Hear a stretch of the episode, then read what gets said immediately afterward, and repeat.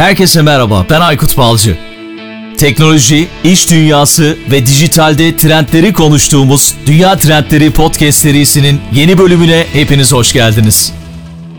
Dünya Trendleri Podcast'in 20. bölümüne bir kez daha hepiniz hoş geldiniz. Ben Aykut Balcı ve bu bölümde 19. bölümün devamı niteliğinde olan değer yaratmanın formülü tasarım odaklı düşünmenin ikinci kısmıyla devam ediyoruz. İkinci kısma geçmeden önce isterseniz ilk kısımda neler yaptık şöyle bir gözden geçirelim, hatırlayalım. Dinlememiş olanlar için de bir özet geçmiş olalım. Bu arada bu kaydı dinledik ve dinledikten sonra da bir şey fark ettik. İçinde bulunduğumuz korona dönemi nedeniyle malum hepimiz evdeyiz ve evde olduğumuz için de çocuklar da evde, herkes evde. Stüdyonun kapısını her ne kadar kapatıyor olsak da ortam, stüdyo ortamı bir ev ortamı olduğu için altta böyle zaman zaman çocuk sesleri duyabilirsiniz. Yani çok fazla rahatsız etmediği için kaydı tekrar almadık, tekrar yenilemedik. Ama şimdiden herhangi bir problem olursa sizin için affola diyorum. Ama bölümü de kesmedik, olduğu gibi yayınladık. Peki, İkinci kısma geçmeden önce ilk kısımda neler yaptık hemen kısaca hatırlayalım. Organizasyon kültürü için değer yaratmak nasıl olur? Bundan bahsetti Mete Yurtsever bizlere ve sonrasında tasarım odaklı düşünmeye girdik. Tasarım odaklı düşünmenin tanımını yaptık. Tasarım odaklı düşünme ne işe yarar? Bundan bahsettik ve tabii örneklerimiz oldu. Örnekler vere vere gittik. Tasarım odaklı düşünmenin aşamalarına geçmiştik. Birinci aşamadan bize bahsetti ayrıntılı bir şekilde Mete ve hatta bu kısımda birinci aşamanın biraz devamından da bahsedecek ve sonrasında ikinci aşamayla devam edeceğiz. Bu kısımda da gerçekten çok şey öğreneceğinizi tahmin ediyorum. En azından ben çok şey öğrendim. Kaldığımız yerden Dünya Trendleri Podcast 20. bölümüyle devam ediyor. Değer yaratmanın formülü ve tasarım odaklı düşünmenin ikinci kısmına başlıyoruz. Evet. O zaman aşamalara devam ediyoruz sanırım ve ikinci Aha. aşamaya da girdik gibime geliyor. Evet yani öncelikle bunu şunun için anlattım yani o empati kısmında da mümkün olduğu kadar kategorinin dışında da insanların hayatının nasıl olduğunu e, anlamaya çalışıyorsunuz ki insanlar çünkü dile gelip de söylemiyorlar bazen. Yani işin o kısmı çok önemli. Yani siz ne tasarlayacaksanız tasarlayın. Yani dediğim gibi bu diş fırçası olabilir. E, diş fırçası tasarlayacaksanız bile bunu diş fırçası olarak değil de ağız bakımı olarak yaklaşmanız lazım bu işe. Çünkü olay belki bir bütün. Yani belki diş fırçasının tek başına karşılayamadığı ihtiyaçlar var. Buna bir ağız bakımını tekrardan yeniden tanımlamak olarak bakmanız lazım. Diş fırçası olarak bakmamanız lazım. Çünkü bunlar birbirine bütünleyen bir süreç orada. Dolayısıyla diş fırçası ile ilgili bir örnek vereyim. Bu da gerçekten tasarım odaklı düşünme sisteminin ortaya çıkardığı bir şey. Bu Hı-hı. Brown'un nesnelerin interneti kavramını birleştirdiği bir elektrikli diş fırçası var. Buna müzik yükleyebiliyorsun.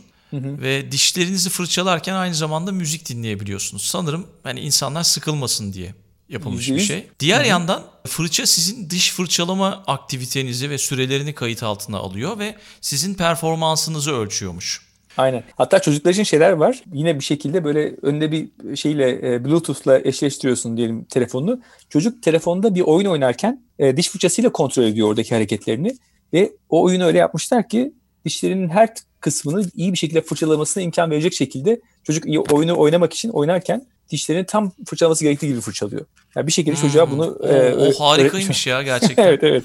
ya işte bunlar kesinlikle hani bir aşama bir aşama bir aşama bir aşama iterasyonla sürekli iyileştirilen şeyler. Yani bir ihtiyaç karşılandıktan sonra yeni bir ihtiyaç ortaya çıkıyor. Önce onu karşılamanız lazım ki sonrakini yapabilirsiniz. Yani e, dediğin gibi önce herkes kendi önce misvak vardı belki. Misvaktan sonra diş fırçası çıktı. Diş fırçasından sonra elektriklisi çıktı. Elektriklisi çıktıktan sonra şimdi işte Bluetooth'lusu ve şeylisi, IoT'lisi bilmem nesi oluyor. Yani bunu anlamak önemli. Yani teknoloji şöyle söyleyelim de. Teknoloji bir kolaylaştırıcı ama teknoloji var diye bu bir işe yarayacak anlamına gelmiyor. Şöyle güzel bir örnek var. Yine Google'ın bir örneği. Bu Google Glass vardı malum. Mesela işte hani bir tarafında kamera olan ve bir gözlük takıyorsunuz. Hmm, ee, Google Glass. Google Glass. Şimdi o mesela empatiye çok iyi bir sektörde bir örnek olarak verilir. Bu yapıldığı zaman yapanlar çünkü bunu ne diyor Google? Diyor ki ya süper bir, bir fikir yani ne kadar cool bir şey. İşte orada bir kamera olacak. Bir yandan da gözün önünde bir ekran olacak. Oradaki bir takım bilgileri doğru alacaksın ve sesli komut vereceksin. İşte Google bana şunu göster, Google bana falan diye. Fakat şimdi buradaki eksik kısım empati kısmı.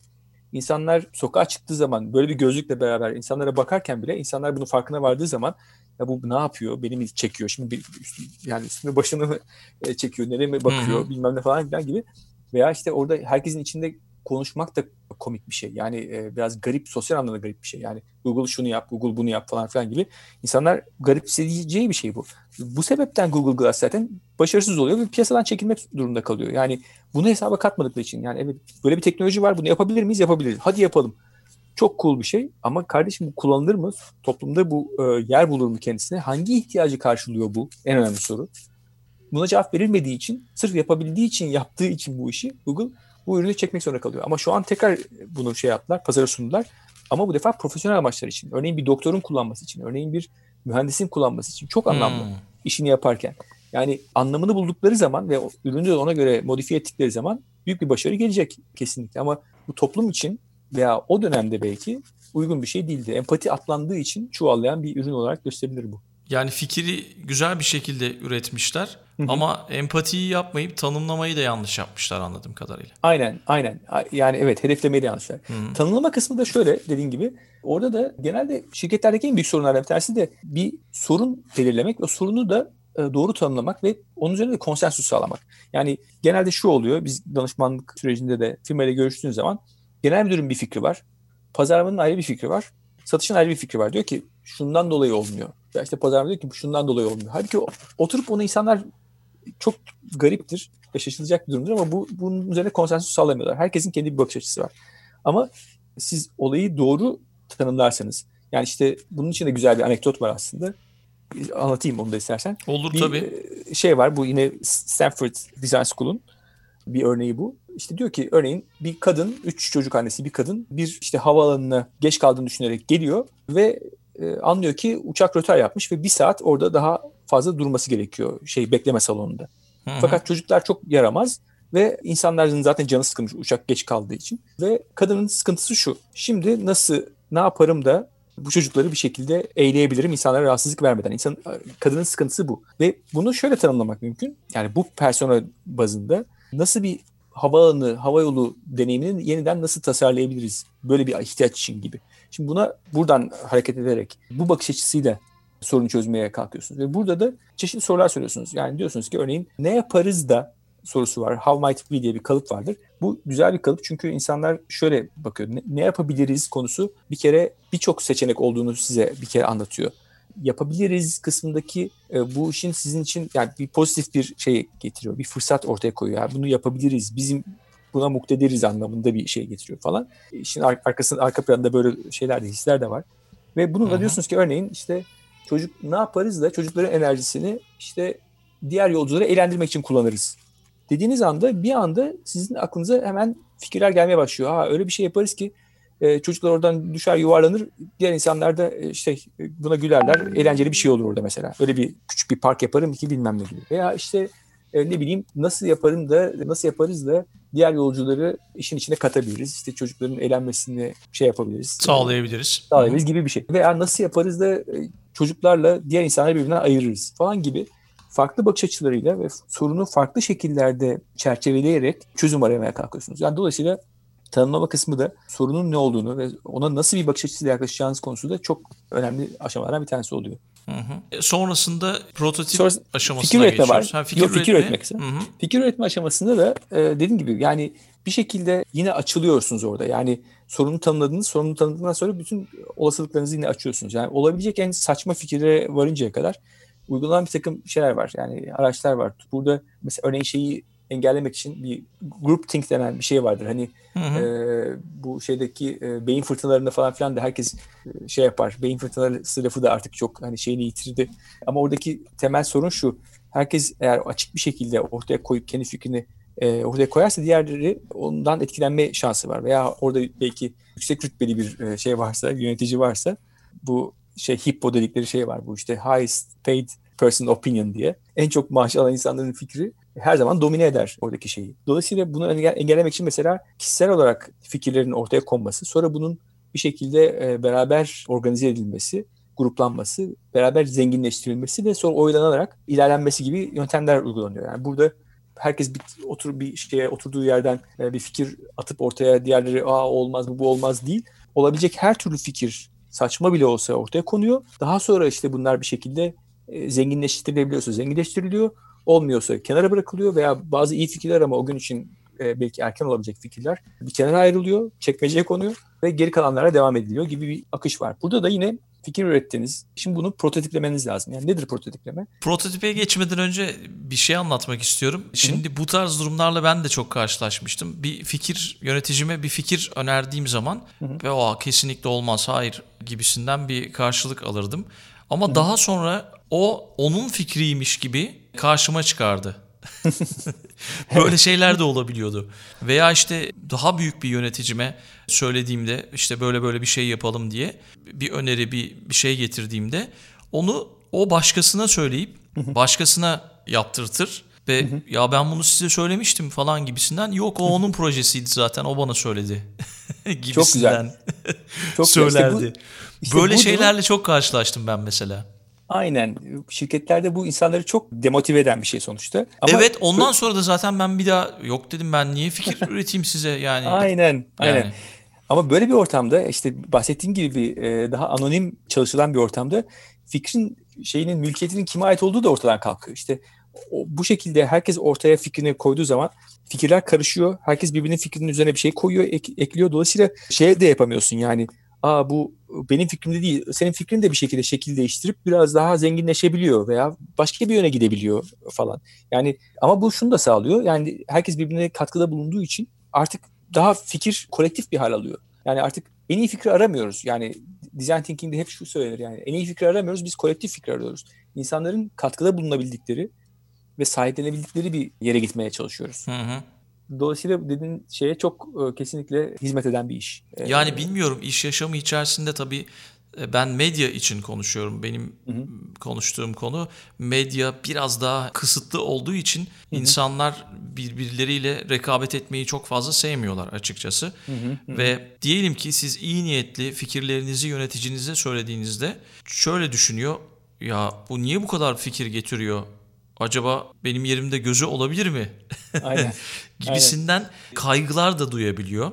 Eminim ki farklı sektörlerde de vardır bu. Kesinlikle. Ama biraz daha profesyonel, daha kurumsal şirketleri de böyle şeylerin olacağını çok düşünmüyorum. Ama mutlaka Türk yapısında belki de kendi evet. yapımızda bu tarz şeylerle karşılaşıyoruz. İnan bu yani Türk yapısında da ve dışarıdaki şeylerde de bu bir şey vardır mesela yine literatürde. Not invented here diye bir şey vardır. Bunu şirketler yani dışarıdan gelen fikirlere kendilerini kapatmaya çalışırlar. Çünkü bir şekilde onu sahiplenmekte güçlü, güçlük yaşarlar.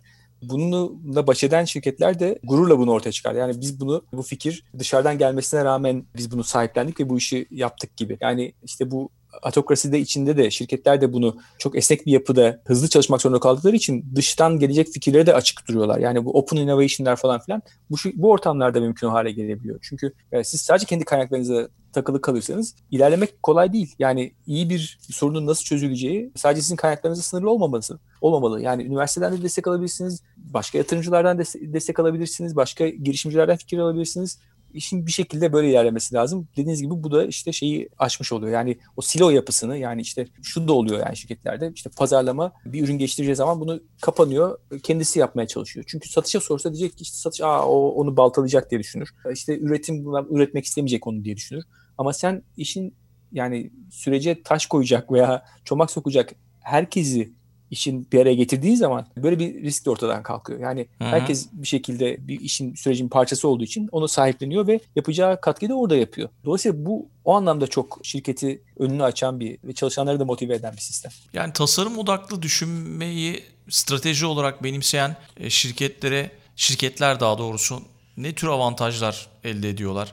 Ee, eğer tasarım odaklı düşünme aşamalarını bitirdiysek biraz ondan Hı. bahsetmeni isteyeceğim. Çok kısa şeyi de söyleyeyim. Yani prototipleme kısmında da siz fikrinizi bir şekilde e, çalışıp çalışmayacağını çok fikrinize aşık olmamanız lazım. O fikri önce test edecek bir hale getirmeniz lazım ve hemen süreç daha içindeyken seçtiğiniz işte 4-5 kullanıcıyla en azından e, her aşamasını bunu test etmeniz gerekiyor. Yani siz bir fikir ortaya koydunuz, onu bir küçük bir hiç değilse bir satış e, ilanı bile olabilir, reklam ilanı bile olabilir haline getirip onu müşterinin e, o konudaki feedback'ini, şey, geri bildirimini aldıktan sonra e, varsa düzeltmeniz gereken şey onları düzelterek tekrar tekrar bu e, test işini devam etmeniz gerekiyor. Yani olmazsa olmaz kısmından bir tanesi bu prototipleme, tasarım odaklı düşünmede ki siz kendi varsayımlarınıza yenik düşmeyin. Çok iyi fikir dediğiniz bir şey tüketici tarafından o, o kısmı görülmeyebilir gibi düşünebiliriz. Hı hı. E, şirkete strateji olarak benimseyen şirketler ne tür avantaj elde ediyor? Dediğim gibi konuştuğumuz gibi bir çalışanlar daha motive oluyor. Doğru sorun üzerinde çalışma imkanı veriyor. Yani şirketin işte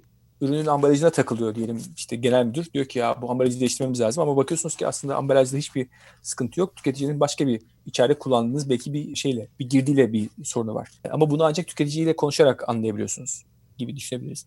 Veya yine bilinen çözümlerin dışına çıkma. Yani bu işte raksak düşünceyi e, bir takım provokasyonlarla şirkete çalışanlara, bu proje ekibine bunu yaptırabiliyorsunuz. Yani bildikleri ezberlerin dışına çıkma. Ya işte çok yanlış kullanan bir şey vardır bu best practice'ler. Hani işte bir iş bir yerde başarılı olmuş. Gelip biz de bunu burada yapalım. Konu o değil ki. Yani o hangi kontekste, hangi yapıda, hangi pazar seviyesinde, hangi marka için e, başarı sağladı? E, bu bizim ülkemizde, bizim şeyimizde, pazar yapımızda çalışacak diye bir şey yok. Dolayısıyla o kolaycılığı ortadan kaldırıyor bir anlamda.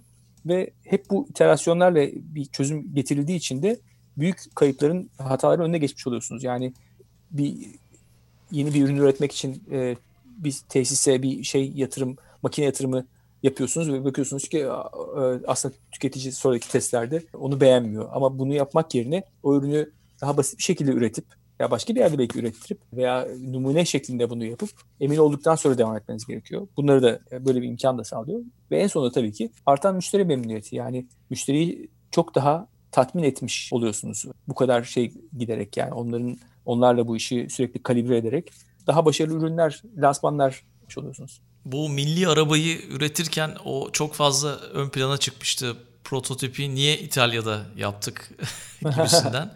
o aklıma geldi şu anda bilmiyorum. Tabii yani o o daha da belki e, işte o mühendisliğin çok ağırlıklı olduğu bir iş aslında. Çünkü oradaki en büyük sorun hani hep konuşulan şeylerden biliyoruz. Uzmanı değilim ben de ama işte pil meselesi, pilin maliyeti falan. Orada öyle bir şey var. Yani onu aşmak için o işi mühendislikle belki çözmek lazım. Ve tabii ki onun da yatırımını yapmak için hani bir takım dış şeyler, e, kaynaklar alınabilir bir mevcut bir firma satın alınabilir. Yani bunlar hakikaten o işin milli olmasına engel değil. Önemli olan o projenin nasıl yürütüldüğü ve kimin yürüttüğü bir şekilde, kimin önderliğinde o işin yürüdüğü. Dolayısıyla e, onda bir sıkıntı yok bence de. Ama dediğiniz gibi yani bir işi yatırımını yapmadan yani sizin bu batış maliyetiniz sizi batıracak kadar e, olmadığı sürece bir sorun yok. Yani hep bunu yaparak iyileştirmelerle gitmek lazım. Peki bu koronavirüsü nedeniyle tabii yaklaşık 60-70 gündür herkes evden çalışıyor. Evden çalışmaya başlayınca bir takım avantajlar oldu, bir takım dezavantajlar oldu. İşte çocuklar evde ve onun dışında LinkedIn'de böyle e, güzel güzel paylaşımlara denk geldim. Sen de çok aktif bir şekilde LinkedIn'i kullanıyorsun.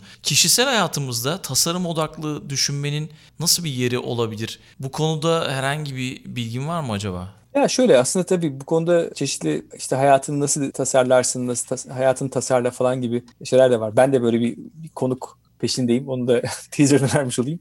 Ama e, yani tabii ki temel aşamalarda yani temel öğelerinden bakın zaman empati kişisel hayat için de çok önemli bir şey. Karşıdakiyle empati kurabilmek önemli bir beceri.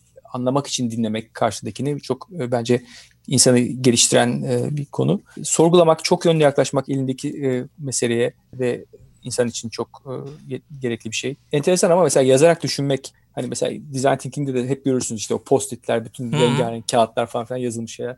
Bu hakikaten insanlara hani bir ev dediğim zaman ben mesela sana sen ikimiz de oturup bir şey ev çizsek senin çizdiğin evle benim çizdiğim ev birbirinden farklı olacak. Ama onu çizerek ben böyle bir evden bahsediyorum demek çok daha önemli ve bunu insanın kendisini de e, kendi düşüncesini de bunun kendi yaratıcılığına da tetikleyici bir e, etki oluşturduğu zaten bilimsel olarak da kanıtlanmış bir şey. Yazarak düşünmek de çok önemli. O sizin fikirlerinizi çok daha toparlamanıza imkan veriyor. Design thinking içinde de ortak düşünmeyi daha mümkün hale getirebiliyor. Yani sanki bir ortak bir şeyde bir bulutta çalışıyormuşsunuz gibi. Bu tarz bence şeyleri var. Yani bu tarz çağrışımları var. Bu yazmaktan ve çizmekten bahsettin. Aklıma şey geldi. Şimdi tabii tasarım odaklı düşünme ile alakalı biraz araştırma yaparken işte Hı-hı. videolar izledim, podcastler takip ettim, birkaç kaynak okudum. Temple Grandin'in bir filminden bahsettiler bir podcast'te. Ve bilmiyorum o filmi izledin mi? Ee, hayır. iki yaşında otizm teşhisi konuluyor kendisine. Otizmli bir bilim kadını. Gerçek bir hikaye bu arada bu.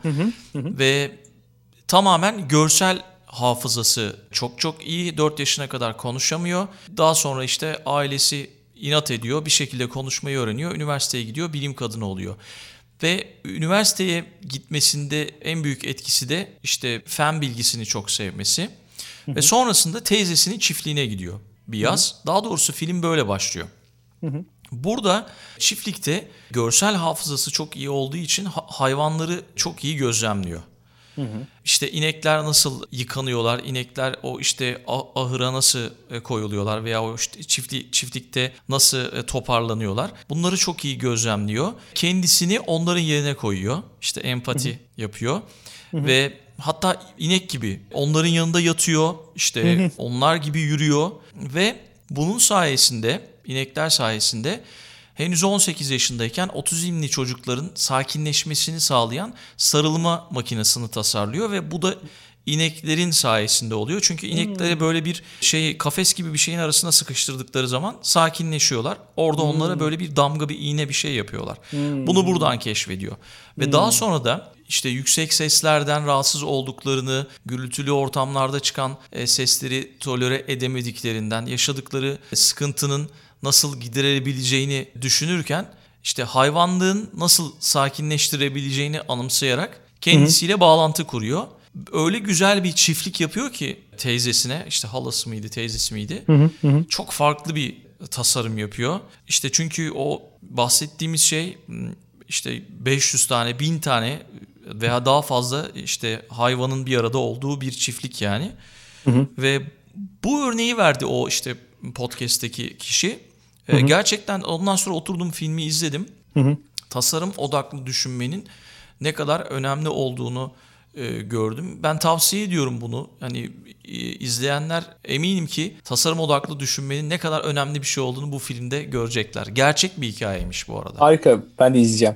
Ya bu bana şey de çağrıştırdı. E, biomimicry denen bir şey var. Bu yani doğayı taklit ederek bir takım çözümler getirmek. Yani mesela sarılma makinesi dediğin şey. Bu şekilde yapılan birçok bu da yani inovasyonunu tetikleyen e, yöntemlerden, tekniklerden bir tanesi işte ne bileyim bir kuşun gagasını te- taklit ederek bir tren Japonların yaptığı tren falan filan gibi hani e, bütün bunlar da aslında dediğim gibi yani doğada birçok birçok şeyin çözümü var. E, bu da tasarım odaklı düşünmede kullanılan provokasyon yöntemlerinden tanesi. Doğayı taklit ederek nasıl çözebiliriz takım sorunları gibi. Zaten filmde de çok fazla o doğa vurgusuna e, çok fazla şey yapılıyor. e, vurgu yapılıyor. İşte tamam hayvanlar hayvanları yiyeceğiz. E, ama onlara en azından saygı gösterelim. Yani onları yıkarken düzgün yıkayalım veya işte keserken düzgün keselim. Onları rahatlatalım. İşte o yaptığı o çiftlik e, tasarımıyla hayvanlar kesime gideceklerini anlamadan rahat bir şekilde, sakin bir şekilde gidiyorlar ve orada işte ölüyorlar, canları alınıyor. Ama diğer çiftliklerde, diğer tasarımlarda gerçekten üzülerek gidiyorlar. Heyecanlanarak gidiyorlar. Ee, böyle bir tasarımı bunu düşünmesi, hayvanları kendi yerine koyup empati yapması ve böyle bir şey tasarlaması gerçekten inanılmaz bir şey. Kesinlikle. Ve güzel bir şey yapmış. Bu tasarım odaklı düşünmeyle ilgili eğer hani bizi dinleyenler de tam böyle bir şey anlamak istiyorlarsa bu filmi mutlaka izlesinler derim. Harika. Peki bu organizasyon kültüründe değer yaratmaktan bahsettik biraz girişte ama hı. bu organizasyon kültürünün değer yaratmak üzerindeki rolünden biraz daha girsek ve senin bir değer yaratma formülün var. Aynen oraya bağlayalım. kadarıyla. Oraya bağlayalım istersen. Çünkü e, şimdi ben de bunu e, bir şekilde kendim hikayeleştirmeye çalıştım. E, burada e, benim değer yaratma formülüm e, diye baktığın zaman burada tasarım odaklı düşünmenin prensiplerini kimyada şey vardır bu periyodik tablo vardır hani Hı hı. e, formülden de biraz ona çevirip işte ihtiyacımız olan elementler nelerdir diye kendim 5 tane element icat ettim bu periyodik tabloda. Bir tanesi mesela pozitivyum. Pozitivyum PO e, şey kısaltmasıyla kullanılıyor. E, Güzel. burada işte, e, yani olumlu yaklaşım çok önemli. Yapıcı katkıda bulunmak çok önemli. Fikirler içerisindeki e, olumlu ve güzel yanları görmek önemli. Yani buna sahip olmak lazım bir kere tasarım hakkında düşünmede ve yani bir yenilik yaparken. İkincisi kolektivyum. Bu da ko diye gösteriliyor. O da bahsettiğim gibi en iyi fikri değil, kolektif fikri öne çıkarıyor. Uzlaşıyı öne çıkarıyor. Bu da sahiplenmeyi getiriyor ve karşılıklı güveni pekiştiriyor. Ortak çalışmanın esaslarından bir tanesi. Üçüncüsü diversiyum. O da D diye gösteriliyor. Hı hı. Bu da çok önemli bir alan yine. Farklı birimlerden, e, farklı uzmanlıklardan farklı bakış açılarını bir araya getirip bunlardan faydalanmamıza imkan veriyor. Bu silo yapısını bozuyor. Yani işte e, dediğim gibi bir şirket tüketim malları pazarından düşünürseniz işte orada bir araştır bir e, araştırmacı da tabii olacak. Bir araştırma geliştirmeci veya işte ne bileyim bir gıda mühendisi de belki olacak bir gıda şeyse. E, ama pazarlamacı da satışçı da hatta avukat da orada olacak ki sonradan ya bunu böyle diyemeyiz bunu böyle yapamayız diyemesin yani bir şekilde. Herkesin oradaki şeyi katkısı e, olsun. O farklılık, diversity çok önemli. Dördüncüsü curiosium. Bu olmazsa olmaz yani meraklılık, tüm varsayımları sorgulamak, aldığımız cevaplardan tatmin olmamak. Biraz çocuk yaklaşımı aslında düşündüğünüz zaman Hı hı. e, bir çocuk gibi meraklı olmak gerekiyor. Ve sonuncusu da act orientum diyorum ona. Bu plan değil, eylem odaklı olmayı gerektiriyor. Aynı zamanda başarısızlıkları kabullenmeyi, onlardan öğrenme kültürünü getiriyor. Plana değil, eyleme sadık kalıyorsunuz. Böylece böyle bir beş element sayıyorum. Bunun için bunları sağlarsak değer yaratmak mümkün olur diye söylüyorum. Tasarım odaklı düşünmenin başarılı olması için formülü uygulamamız gerekiyor. Kesinlikle. Tasarım odaklı düşünme için bir şirketin evet başarısı için bence bir değer yaratmak için. e, Organizasyon bunları saymak gerekiyor. kültüründe değer yaratmak için diyelim daha doğrusu. Aynen. Evet. Aha. Aynen, aynen, aynen. Ki içinde bulunduğumuz dönem içerisinde de bir değişim dönüşüm durumu söz konusu. Bu da çok çok gerekli olacaktır diye düşünüyorum.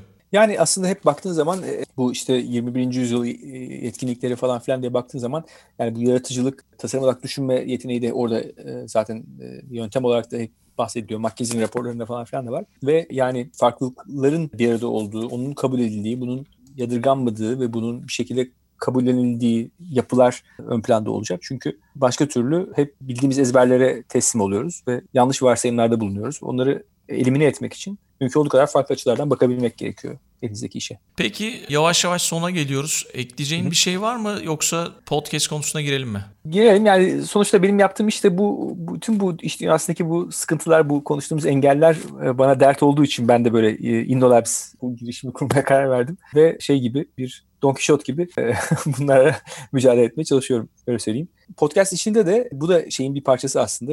İşte bu tasarım odaklı düşünmenin evangelistlerinden, yayıcılarından biri olduğumu düşünüyorum ve bunun için yazılar yazıyorum, e, yazıyordum ama işte geçen Eylül ayından beri de bir podcast e, yapmaya başladım. Hı hı. E, orada da e, işte bu konuda inovasyon işinde e, veya bu fasilitasyon işinde bu workshopları, şeyleri, çalıştayları yönetmek için kolaylaştırıcı deniyor veya işte fasilitatör deniyor. O insanlarla işte bir takım yine akademisyenlerle ve müşteri tarafında kullanıcılarla yani bu tekniği kullanan insanlarla söyleşiler yapıyorum ve hakikaten e, şimdilik iyi gidiyor ve yavaş yavaş bir, bir şey kitlesi oluşturduğunu e, görüyorum. Dinleyici kitlesi oluşturduğunu görüyorum. Hiç tanımadığım insanlardan öyle mesajlar geliyor. Ta- takip ettiklerini anlıyorum.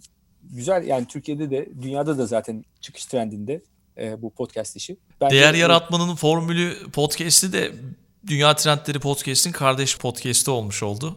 Evet Böylece. kesinlikle ilk ilk e, kesinlikle bence de e, yani bana kendimi anlatma imkanı tanıdığın için kesinlikle çok teşekkür ediyorum. Bu benim için de çok güzel bir deneyim oldu ve dediğim gibi bu ortak bölüm olarak bunu da dinleyicilerimize sunacağız. Gerçekten öyle. Değer yaratmanın formülü tasarım odaklı düşünme e, konusunda ben de merak ettiğim bir konuydu. Uzun zamandır araştırmak istiyordum ve gerçekten sevdim bu konuyu. Önümüzdeki günlerde de farklı birkaç bölüm daha belki yapabiliriz. Çünkü sevdiğim bir konu oldu. Hoşuma gitti açıkçası. Harika tasarım yani düşünme. konuşacak çok şey var tabii ki çok e, örnek var çok şey var. Çok kısaca E, Sözünü unutma podcast'te e, tasarım odaklı düşünceyi uygulayabilir miyiz diye soracaktım sana. E, tabii yani aslında bir podcast tasarladığımızı düşünelim. Sıfırdan bir şey yaptığımızı düşünelim. Burada öncelikle insanların birkaç kendimize po- personayı tanımlayabiliriz. Diyebiliriz ki hani şimdiye kadar hiç podcast dinlemeyen insanların ne tür engelleri var da podcast dinlemiyorlar. Hı hı. Bunu anlamaya çalışabiliriz diyelim. Bir diğeri de diyelim işte podcast e, dinliyor fakat belki tam aradığı içeriğe ulaşamıyor. Onun aradığı içerik ne diye bakabiliriz. Böyle diyelim iki persona üzerinden kalkıp gidip bu insanlarla görüşüp e, bu insanların e, beklentilerini, ihtiyaçlarını hangi zamanlarda, hangi durumlarda podcast dinlemeyi seçiyorlar veya ne tür araçlar kullanıyorlar işte mobilden mi, desktop'tan mı, nereden mi falan Hı hı. ve genel sosyal medya kullanım e, alışkanlıklarını işin dediğim gibi çerçevesinde daha da büyüterek yani bugün podcast'ten aldığı, almayı beklediği bilgiyi şu an nereden alıyor? Ona biz alternatif olarak daha iyi ne sunabiliriz gibi şeylerle, sorularla bu işin tam bir haritasını bir şeyini çıkarmak lazım. Yani bir ya işte kullanıcı haritasında, tüket, e, deneyim haritasında da yine kullanan tekniklerden bir tanesidir. Ne şekilde dinliyor, ne şekilde buluyor, e, ne yapıyor bunları anlamak yönünde. Ve sonrasında da işte fikirler geliştirip neler yapabiliriz, ne tür konulara odaklanabiliriz, ne tür formatlar kullanabiliriz. İşte bu iki kişiyle söyleşimi tek başına solo bölümler mi yoksa e, daha çok sayıda görüşmeler mi veya interaktif bir şekilde mi insanlardan soru alarak mı gibi çok şeyi sonrasında da bunu şey yapabiliriz, prototipleyebiliriz. Yani birkaç kısa bölümler çekilip demo dediğimiz e, demo dediğimiz Hı-hı. şekilde yapılabilir. Bunu e, farklı insanlara dinlettirip bu bu personelden insanlara dinlettirip bunu yapılıp yapılamadığını ve ilgi çekip çekmediğini, neyi değiştirip değiştirmek isteyeceklerini bu bu şekilde e, süreç yürütülebilir. Vallahi güzel. Burada da uygulayabiliyoruz. Peki Tabii. o zaman sona geldik. Değer Yaratmanın Formülü podcast ile birlikte ortak bir yayın yapmış olduk. Dünya Trendleri podcast'i. Hı hı. Mete çok teşekkür ediyorum. Gerçekten bizi dinleyenler çok güzel bilgiler aldı senden. Benim de tasarım odaklı düşünme konusunda daha fazla eğilmeme neden oldun, sevmeme neden oldun. İletişim bilgilerini ben podcast'in altına açıklama kısmına yazacağım ama onun öncesinde senden bir kitap önerisi isteyecektim. Ekleyeceğin bir şeyler yoksa eğer. Aha tabii. Yani öncelikle tabii LinkedIn'den e, bana ulaşabilirler, bağlantı kurabilirler veya takip edebilirler nasıl tercih ediyorlarsa. O zaman kitap önerisi için de e, şey yapayım. İki tane kitap söyleyeyim. Bir tanesi daha geniş anlamda insanı anlamak anlamında, insan davranışlarını anlamak anlamında bu e, davranış ekonomisi konusunda 2002 yılında Nobel ödülünü alan Daniel Kahneman'ın bir Hızlı ve Yavaş Düşünme diye bir kitabı var. Hı hı. Bu bence çok temel bir kitap. Kolay okunan bir kitap değil, bunu söylemem lazım ama kesinlikle çok kafa açan bir kitap. Yani insanların hakikaten bir takım kısa yolları ve sapmaları yani düşüncesindeki kusurları e, çok güzel anlatıyor. İnsanın hem kendisi için hem de iş hayatında nasıl kullanabileceği bir takım ipuçları var. Doğru karar vermek e, anlamında e, veya kararları yönlendirmek anlamında öyle söyleyeyim. İkinci kitapta bahsi geçti, konuştuk. Sprint diye bir kitap var bu Jack Knapp'in yani bu Google Ventures'dan o zaman orada çalışan sonra ayrılıp kendi işini yapıyor şu, şu an sanıyorum. Hı hı. Orada işte 5 günlük veya 4 günlük süreçlerde sprintlerle nasıl e, sorun çözdüklerini anlatıyor. Tasarım olarak düşünmenin bir alt kümesi olarak düşünebiliriz veya bir reçetesi gibi düşünebiliriz. Yani o büyük bir disiplin. Baktığın zaman e, tasarım olarak düşünme içinde işte sprintler var, agile'lar var, lean'ler var falan filan. Bütün onlara ilham veren bir aslında bir felsefe, design thinking. Ama Sprint'te e, çok şirketlerin uygulayabileceği bir e, el e, rehberi gibi bir kitap onu da önerebilirim. Türkçesi de var, İngilizcesi de var. Çok teşekkür ediyorum gerçekten. Güzel bir bölüm oldu. Yine efsane bölümlerden birine imza attık. Harika. Ee, Valla çok dediğim gibi önümüzdeki günler içerisinde benim ilgi alanlarımdan biri olacak tasarım odaklı düşünme. Çok sevindim. Umarım herkes dinleyenler için de faydası olmuştur. Aykut senin tanıdığım için de çok memnun oldum. İyi ki e, birbirimizi bulduk. Valla çok güzel oldu. Podcast kardeşliğini başlatmış olduk. Tamamdır. O zaman kapatıyoruz. Tamam. Çok teşekkürler. Tamam. Hoşçakalın. Dünya Trendleri Podcast serisinin bu bölümünün sonuna geldik. www.dünyatrendleri.com Twitter'da @dünyatrendleri, Instagram'da dünya.trendleri adreslerinden Dünya Trendleri Podcast'i takip edebilirsiniz. Unutmayın önerileriniz ve merak ettikleriniz içinse info.dünyatrendleri@gmail.com adresinden mail atabilirsiniz. Bu bölümü dinlediğiniz için çok teşekkürler. Yeni bölümde tekrar buluşmak üzere.